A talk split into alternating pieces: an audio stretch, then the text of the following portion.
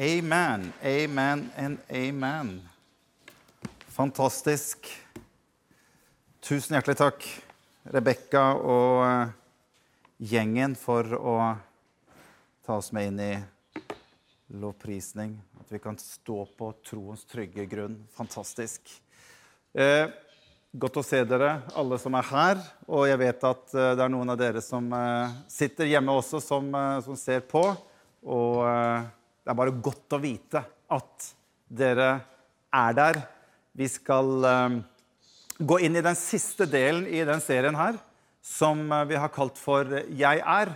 Og før vi går inn i, uh, i teksten, så har jeg lyst til at vi som er her, også dere som er hjemme, at vi tar oss og ber litt sammen før vi, før vi deler Guds ord. Kjære Jesus, takker deg for at du er her. Takk for at du er hos hver eneste en som ser på eller lytter på. Jeg ber deg bare om at du skal velsigne denne stunden som vi skal ha sammen nå, hvor vi skal gå inn i ditt ord. Jeg bare ber om at eh, det ordet som vi deler, skal bli liv. At det skal gi oss noe i våre hjerter, i våre liv, Herre, slik at vi kan få lov til å bli mer lik deg, at vi kan få lov til å se deg enda klarere, og at vi kan få bli forvandlet til å bli mer lik deg, Jesus. Vi trenger deg i våre liv. Vi trenger deg i vår hverdag, Herre. Og vi bare ber deg om at du skal fortsette å velsigne denne gudstjenesten. I Jesu navn. Amen. Amen. Vi har kommet fram til siste del, og det er bra å ha noen eh, her sammen med meg som kan være med og, og hjelpe meg å eh, eh, få dette noenlunde greit i havn. Eh, det har vært kjempespennende å se på disse 'jeg er'-utsagnene som Jesus har. Og eh, nå har vi to til som vi skal, eh, skal dele denne søndagen her. Og vi skal bare gå rett inn i teksten. Dette som vi skal ha nå, er kronologisk den siste 'jeg er'-utsagnet som Jesus har i Johannes evangeliet. Det er den siste 'jeg er' som Jesus har, fordi disse utsagnene her, de finnes bare i Johannes evangeliet. Så vi skal gå rett inn i teksten. Så hvis dere blir med meg, så kan dere slå opp i Johannes kapittel 15. Johannes kapittel 15 og vers 1 til 5.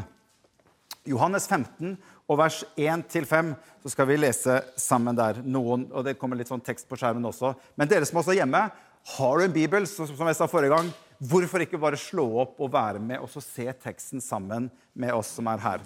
Der står det fra vers 1 Vi går rett på. Jesus sier dette er disse ego imi som Jesus bruker på gresk som er egentlig helt tilbake når Gud introduserer seg for Moses i den brennende busken, og Moses spør hvem er du? Denne busken som ikke, som ikke, brenner opp. Og det er da Gud svarer Moses tilbake disse kraftfulle ordene. Han sier, 'Jeg er den jeg er'. Ego imi. Så ego og imi er egentlig to separate greske ord som egentlig betyr det samme, men Jesus bare bruker litt sånn dobbeltbetydning for å skape denne hva skal vi si, bekreftelsen av hvem det er han egentlig sier om seg at han er. Ego imi. Og det er det han sier her fra vers 1. Er dere med? Jesus sier, 'Jeg er det sanne vintre, og min far er vinbonden.' 'Hver gren på meg som ikke bærer frukt, tar han bort.' 'Og hver gren som bærer frukt, renser han, så den skal bære mer.' 'Dere er alt rene på grunn av det ord jeg har talt til dere.' 'Bli i meg, så blir jeg i dere. Slik som grenen ikke kan bære frukt av seg selv, men bare hvis den blir på vintreet, slik kan heller ikke dere bære frukt hvis dere ikke blir i meg. Jeg er vintreet, og dere er grenene. Den som blir i meg og jeg i han, bærer mye frukt. For uten meg kan dere ingenting gjøre. Som jeg sa, Dette er det siste utsagnet og et ganske kraftig veldig spesielt utsagn som Jesus kom med. Husk på at I forrige, forrige, søndag så snakket vi om dette med at han er på øvre sal, dette siste måltidet som han har sammen med disiplene. Og det, dette, i det, det, er i dette momentet der på slutten av kapittel 14 at det står at Jesus sa at nå reiser vi oss, og så går vi ut.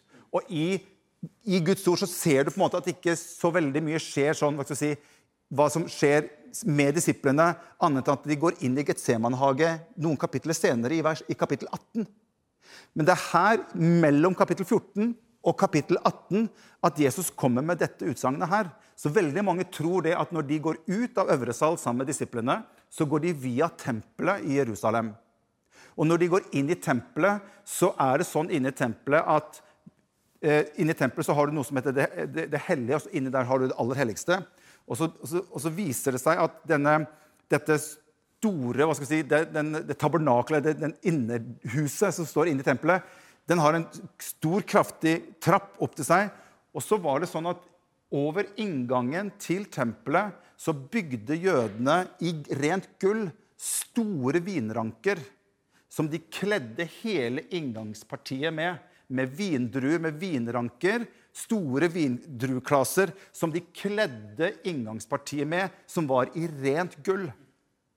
Og det var sånn at Hvis du var velstående i Jerusalem, på den tiden der, så kunne du komme med offergaver til tempelet. Ofte så kom de da med gull, som disse folkene som var, som var jeg vet ikke hva du kaller for smed, men altså de, de, som, de, som, lagde til, og så kledde de, og så bygde de stadig på denne inngangspartiet i rent gull.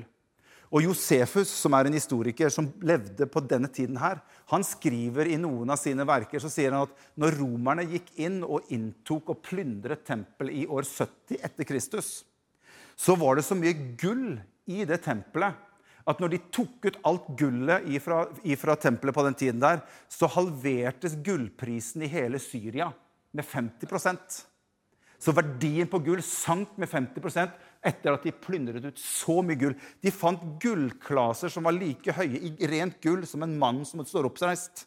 Så mye gull kledde de dette inngangspartiet i tempelet med. Og det er det man mener at når Jesus fra dem er på øvre sal, og før de går over denne Kedrombekken og inn i Getsemanehagen, det er da Jesus tar dem med i tempelet. Og det er da han står kanskje foran dette inngangspartiet med disse gullvinrankene. Og så er det da Jesus kommer med denne vanvittige utsagnet. Han sier, 'Jeg er det sanne vintreet'. Og det er helt rått, det som Jesus gjør her, fordi at den, den, den, bemerkelsen der er så sterk i seg selv. For husk på det at det som har med vintreet, er det mest favoriserte bildet som Israel hadde på seg selv overfor Gud. Det er derfor de brukte det rundt, rundt, tempelet. De så på seg selv. Og går det til Gamle Testamentet, så var jo Israel som nasjon Det var de som var vintreet. Gud han var vingårdsmannen som hadde plantet Israel som sitt vintre. Og tanken med det var at det skulle bære frukt. Det var bildet. Og de, de identifiserte seg så kraftig med det bildet at når Jesus da plutselig kommer inn og sier men vet du at jeg er det sanne vintreet. Da, da, da, da var de usikre på hva i all verden betyr dette for noe. Og jeg tenkte litt på, at Nå har vi gått gjennom alle disse her 'jeg er'-utsagnene til Jesus. Og det kan nok være litt sånn at veldig mange av jødene, når, når, Jesus sa at 'jeg er døren', eller 'jeg er livets brød', eller 'jeg er den gode hyrde', så er det nok mange av de som tenkte ja, men det er kjempefint, men vi er innenfor likevel.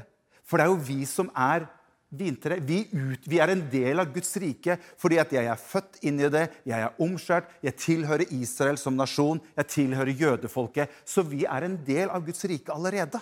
For vi er jo vintreet. Det var det bildet på en måte jødene hadde av seg selv på den tiden her. Så når Jesus, og Derfor synes jeg det er helt rått at det er det siste Jesus sier. Så sier han til og med 'Jeg er det sanne vintreet'. Og ingen kan få del i Guds rike uten at han blir en del av meg. Så han sier ikke det at nå, nå kommer det inn et vintre ved siden av Israel. Nei, han sier at nå tar jeg over som det sanne vintreet fra Gud. Og hvis dere skal ha del i Guds rike, ja, så må dere ha del i meg. Og når noe av dette, som Paulus annet, når han, han underviser i noen av brevene sine så hvis, hvis, jeg vet ikke om dere har hatt merke til, Han snakker noen ganger til jødene og sier at det hjelper ikke bare at du har en ytre omskjærelse. Det hjelper ikke at du bare er en jøde i kraft av at du er en del av Israel som, som ut ifra at du er født inn i det som, som, jøde. Nei, nei, nei. Det må en omskjærelse til på innsiden for å bli en del av Guds rike. Og Det er derfor Paulus sier det så fantastisk i Galaterbrevet kapittel 3. Der kan dere slå opp Galaterne 3 og vers 28 og 29. For der sier Paulus noe som er veldig veldig viktig. Fordi at denne tanken med at de var en del av vintreet, den var så sterk at når Paulus skriver dette, så ser du litt hva Paulus får jødene til å tenke på. Så sier han fra vers 28, Galaterne 3, 28, der står det Her er ikke jøde eller greker. Ser du det? Her er ikke slave eller fri. Her er ikke mann eller kvinne. Men dere er alle én i Kristus Jesus. Og hører dere Kristus til, så sier Jesus, da er dere Abrahams ett og arvinger etter løftet. Så hvis dere, dere sier jo at dere er jo fra Abraham, og det var jo noe som jødene sa. at vi er jo fra Abraham, skal se på det litt etterpå. Vi er jo fra Abraham, vi har Abraham som far. Så klart, Når vi har Abraham som far, så er jo vi innafor. I kraft av bare hvem vi er. Det er det Paulus sier, at nå er det ikke lenger jøde eller greker. Nå er det ikke lenger mann eller kvinne, nå er det ikke lenger fri eller trell, nå er det ikke lenger rik eller fattig eller liten eller stor. eller hva som helst. Nå er det bare én måte å få komme inn i Guds rike. Det er gjennom Jesus Kristus. Og han sier, 'Jeg er det sanne vintreet'. Fantastisk. Og det er det, som, det er det, som, skjer her. Nå er det veldig mange nøkkelord i de versene vi leste i Johannes om dette med at eh, jeg er vintre. Vi får Ikke, det er så mye stoff i dette her. Så jeg har jo vært i faste og bønn til Gud om at eh, hvordan i all verden skal jeg kunne greie å komme igjennom alt dette her i løpet av disse minuttene som vi har her. Disse få minuttene på en søndag. For det er så mye stoff i disse versene som Jesus kommer med her. Men det er noen ord som jeg bare har lyst til å dele helt raskt med dere, som er veldig viktige i disse versene, og Jesus sier at 'jeg er det sanne vintreet'. For han snakker om et ord her som er frukt. Uten meg kan dere ikke bære noe frukt, sier Jesus. Så ordet frukt går igjen, og ordet frukt er veldig viktig i terminologien med vintre og vingårdsmannen, som er Gud. Gud er vingårdsmannen. Vintreet er i utgangspunktet Israel. Så bildet her er at Gud planter et vintre, som er Israel. Og hva skal vi si, befaler og, og, og, ønsker at det skal bære frukt. Det er tanken, det er bildet i det hele. Nå, nå, kommer Jesus inn i bildet, og så bruker han den samme. sier han, 'Jeg er det sanne, sanne vintreet. Den som er i meg, han skal bære mye frukt.' Så tanken om frukt er noe som går igjen gjennom hele Skriften. Fra skapelsen, når Gud skaper alt på jorden, så skaper han det på en måte at det kan være med å bære frukt. Han skaper mennesket, og det første han gjør med mennesket det står at han velsignet mennesket. Så sier han, 'Vær fruktbare'. Så alt på en måte i Guds ønske eller Guds hjerte, i Guds DNA, det er at det han skaper, skal bære frukt. Det er naturlig i Guds rike at det som har med Gud å gjøre, bærer frukt. Og dette ble et problem for Israel. For hvis du leser bl.a. i Salme 80, og du kan lese Jesajas kapittel 5, så kommer Gud inn i bildet, og så er det en liten han er ikke fornøyd med frukten som Israel bærer, når han er vingårdsmannen og Israel er vintreet. Han sier det, det, her er ikke, det, er ikke bra. Dere vender meg ryggen, og dere bærer ikke den frukt som jeg egentlig hadde ønsket at dere som folk skulle gjøre. Jeg kan bare lese litt om det. Jeg får ikke tid til å gå, gå gjennom det. Men det er det samme som Jesus snakker om nå. Når han kommer inn i bildet, så sier han at 'jeg er vintreet, og dere er i meg', og jeg har satt dere til å være med å bære frukt'. Så gjennom hele Nytestamentet så ser vi hvordan Johannes og evangeliene og, og, og, brevene er veldig på at du og jeg som individ Gud ønsker at vi skal bære frukt. Å være fruktbar det er ikke liksom bare med å få unge, det er ikke det det er snakk om her. Men det er snakk om at vi er fruktbare i vår relasjon med Jesus. Han er i oss, og den naturlige del av den relasjonen det er at det skapes frukt på en naturlig måte gjennom at hans liv er i oss. Og Derfor så sier Jesus at den som ikke bærer frukt, og Her har det vært diskutert masse i disse her versene. her, at Den som ikke bærer frukt, den skal jeg eh, kutte av og, og, og, og bære bort. Masse, det har vært masse diskusjoner rundt disse tingene. her. Jeg tror enkelt og greit at når Jesus snakker om at den, de greiene som ikke bærer frukt, det handler egentlig om at Jesus prøver å gi oss et bilde av at uten meg kan du ikke gjøre noen ting. Du kan ikke skape frukt av deg selv. Du kan ikke stå foran et epletre og så sier du bare 'Kom igjen og, og bær frukta'. Kom igjen og, Det er noe av det Jesus snakker om her. At frukt det kommer som en naturlig del av et liv som jeg har sammen med Jesus. Når han er i meg, og jeg er i han, så er det den relasjonen som skaper av seg selv frukt i våre liv.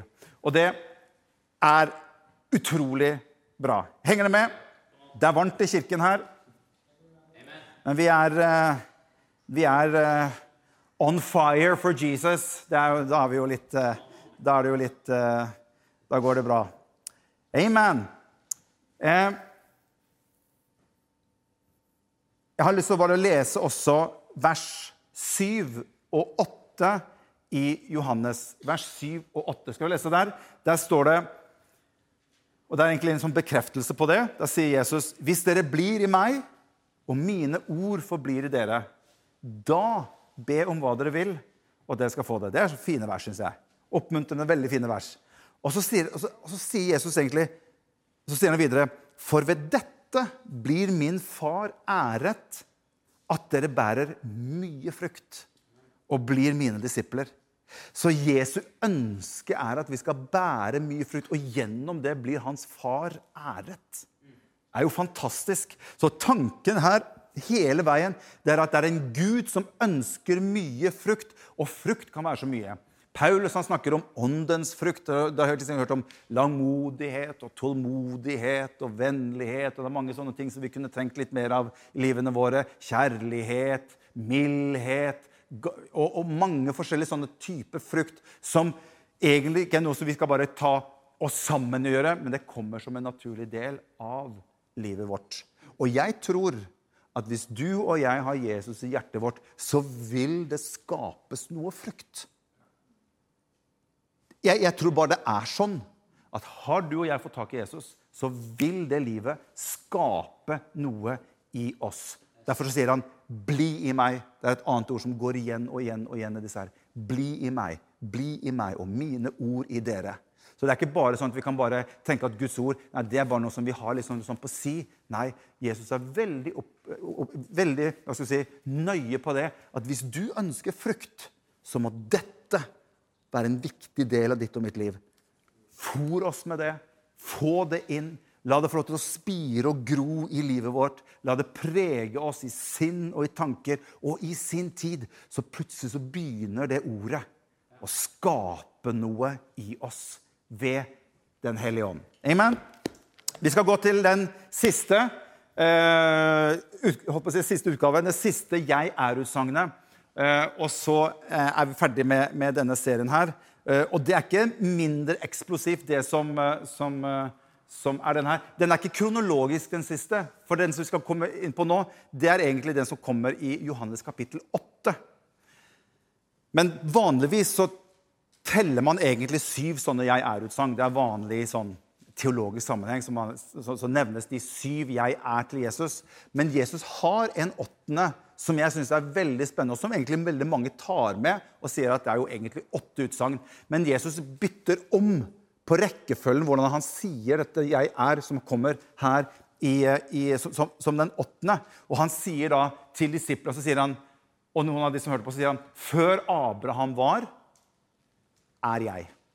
Og Det er det som er selve utsagnet. Så vi skal gå til konteksten her, bare for å se hva som skjer med disiplene, og hva som skjer oppimot hva Jesus sier på den siste her. Og Det er i kapittel 8 og vers 31. Johannes 8 og 31. Så er det noen minutter til her, og så skal vi gå og, og lovprise Jesus litt til. Henger det med fortsatt? Bra. Kapittel 8 og vers 31. Da skal vi bare gå litt inn i konteksten for å se hva er det som skjer her? Hvorfor kommer Abraham inn i bildet i det hele tatt? Da står det fra vers, 1, vers 31. Jesus sa da til de jødene som var kommet til tro på han, hvis dere blir i mitt ord, er dere virkelig mine disipler.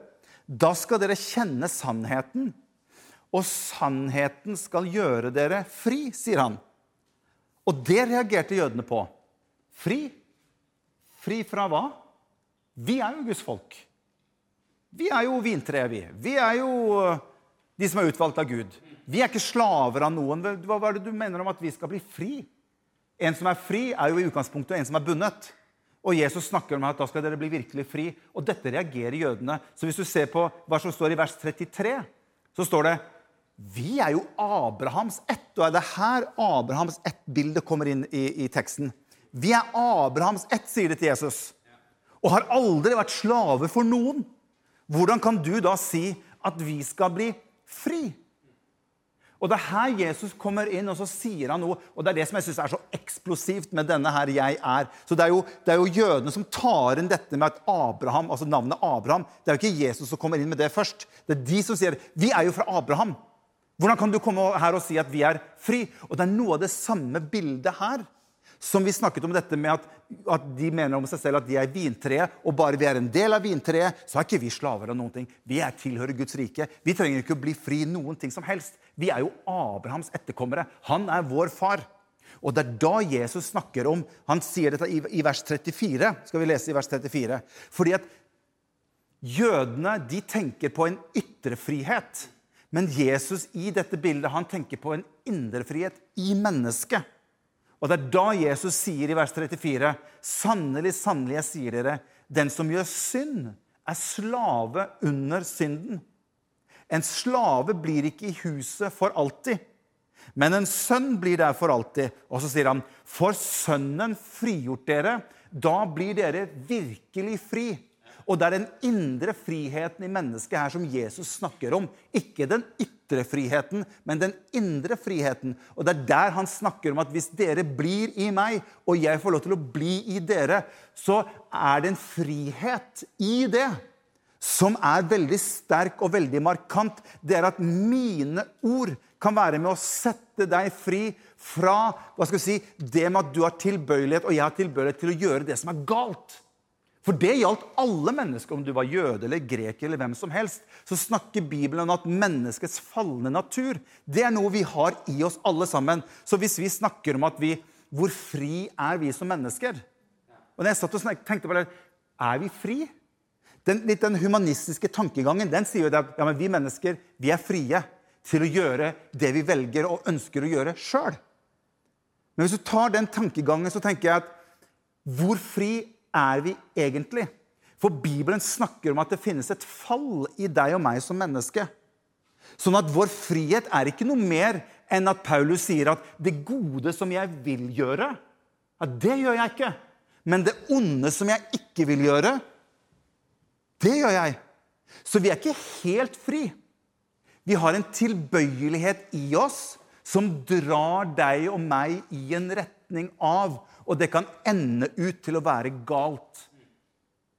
Hvis vi er fri til å bare følge det vi si, ønsker og begjærer, ja, er det frihet? Nei, for i utgangspunktet så er du ikke fri. For du har noe som melder seg i deg i utgangspunktet til å dra deg og meg i en retning. Det er ikke å være fri. Så vi kommer aldri i, det poeng, aldri i det momentet at vi er helt fri i utgangspunktet. Men det er det Jesus sier her. At med meg i livet ditt, da kan mine ord sette deg fri, så du blir virkelig fri.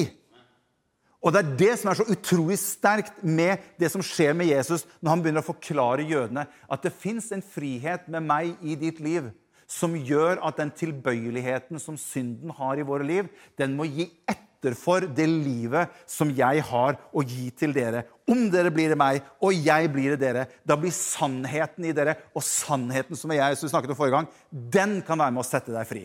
Du kan få lov til å leve et liv i frihet, hvor ikke bare det som har med synden å gjøre, trekker deg og meg vekk, men vi kan få lov til å oppleve et liv i oss som drar oss mot det som har med Guds rike å gjøre. Og vi kan få lov til å være med og bære frukt i våre liv sammen med Jesus.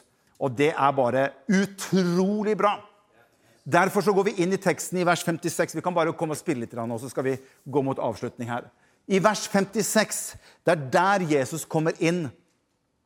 Og så sier han til de, og det, her, det skjer masse imellom her. Dere må lese dette som skjer mellom de versene som jeg har lest her. For de, for de jødene blir utrolig sinna på Jesus han, han, de, de, freser mot han, og til slutt så ønsker de å steine han. De mener at ja, du er jo besatt av en ond ånd, Jesus. Det er, jo, det er, jo, på det nivået dette her kommer til. For de blir så sinna på det Jesus snakker om her, at eh, det må, dere, det må dere lese til selv. Men i vers 56 der kommer Jesus inn og så sier han, deres far Abraham jublet over å skulle se min dag. For de hadde dratt Abraham inn i bildet. Og Det er derfor Jesus sier deres far Abraham jublet over å skulle se min dag.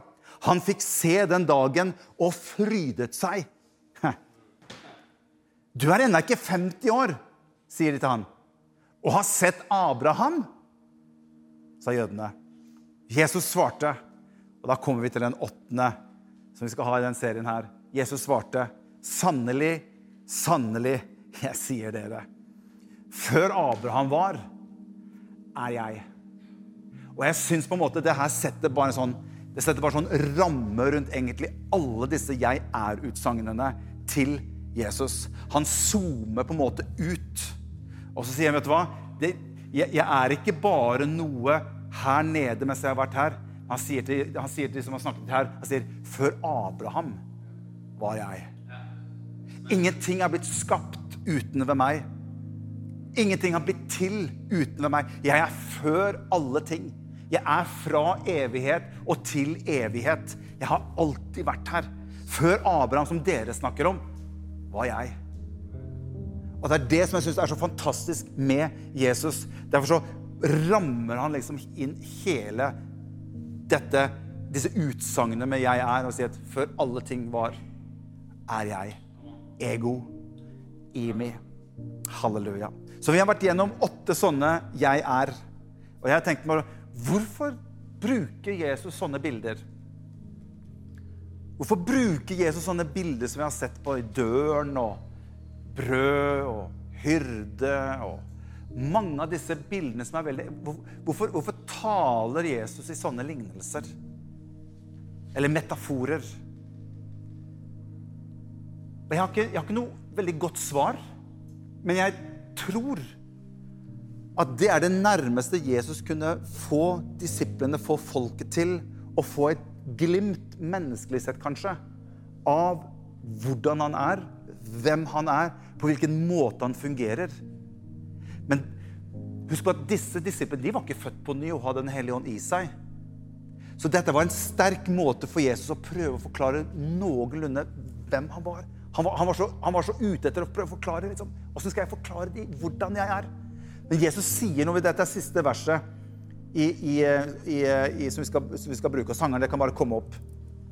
Men Jesus sier noe til disiplene sine i Johannes kapittel 16 og vers 25. Og tenk på, Han sier at han, han, han, han har gått gjennom alle disse 'jeg er'-utsagnene. Og så kommer han til kapittel 16 og vers 25. Så sier Jesus, 'Dette har jeg sagt dere' i lignelser. Eller dette har jeg sagt til dere i disse bildene. Dette har jeg sagt til dere i disse metaforene. Men så sier han videre, men det kommer en tid da jeg ikke skal tale i bilder, men åpent og rett fram fortelle dere om far. Hva er det Jesus mener her, helt på slutten av Johannes evangeliet? At hittil har jeg talt til dere i lignelser. Men det kommer en tid da jeg ikke trenger å tale til dere i bilder. Jesus henviser til at Den hellige ånd skal komme, som han brukte god tid på å forklare disiplene sine. At når han kommer, Den hellige ånd, så skal han veilede dere til hele sannheten. Han skal ta av det som er mitt, og han skal åpenbare det for dere. Det kommer en ny dimensjon inn på innsiden av dere, og han skal vise hvem jeg er, på en helt annen måte enn bare gjennom bilder og metaforer. Og det er det Jesus snakker om her til disiplene. At det kommer en dag hvor Guds ånd skal få lov til å komme på innsiden av dere. Og Den hellige ånd skal forklare dere hvordan mitt rike fungerer. Enda mer kraftfullt, enda sterkere. Og det vil skape et liv. Og ved Den hellige ånd i livet deres så vil dere få lov til å leve et liv sammen med meg. Og Det er dette som jeg syns er så fantastisk. Jeg har så mye jeg har lyst til å dele, men jeg skal gå til avslutning nå. Men det er dette som jeg syns er fantastisk med alle disse 'jeg er'-sagnene. Og det siste vi har, hvor Jesus sier at 'før Abraham er jeg'. Og det kulminerer egentlig til at vi kan gå helt tilbake igjen til det første verset i det første kapittelet i Johannes, hvor Johannes skriver i begynnelsen var Ordet, og Ordet var hos Gud. Og Ordet var Gud. Og Ordet ble kjød og tok bolig iblant oss. Og så sier Johannes og vi så hans herlighet. Denne kombinasjonen av at Jesus er Ordet, og Ordet åpenbart i våre liv. Og Det er det som jeg har en bønn, og det er det som vi alle her har en bønn til dere som sitter og ser på. Hvis du ikke har fått tak i dette ordet, tak på denne mannen som heter Jesus, så har vi en bønn til at du kan få lov til å åpne opp ditt hjerte og ta imot dette ordet. Og jeg kan få lov til å være med å sette deg fri på innsiden. Så vi skal bare be en bønn, og så skal vi synge en sang. Kjære Jesus, jeg takker deg for hver eneste en som hører, og som ser på, og som kanskje ikke har åpnet opp for dette ordet, deg, Jesus. Takk for at du kom hit ned på jorden for å tilveiebringe en mulighet for at vi skulle få gjenopprette vår relasjon til Gud. Jeg ber deg for hver eneste en som ser på. Jeg bare ber om at du skal fortsette å kalle på mennesker. La mennesker få lov til å slippe deg inn i livet sitt. Og Hvis du sitter og ser på, så kan du enkelt si, 'Jesus, jeg ønsker bare å ta imot deg i livet mitt.' Jeg ønsker bare at du skal være det ordet som skal få lov til å bo på innsiden i mitt liv. Du kan enkelt be han om å komme inn i ditt liv og bli en del av ditt liv. Jeg takker deg for det, Jesus. I Jesu navn. Amen. Gud velsigne dere alle sammen. Vi synger en sang.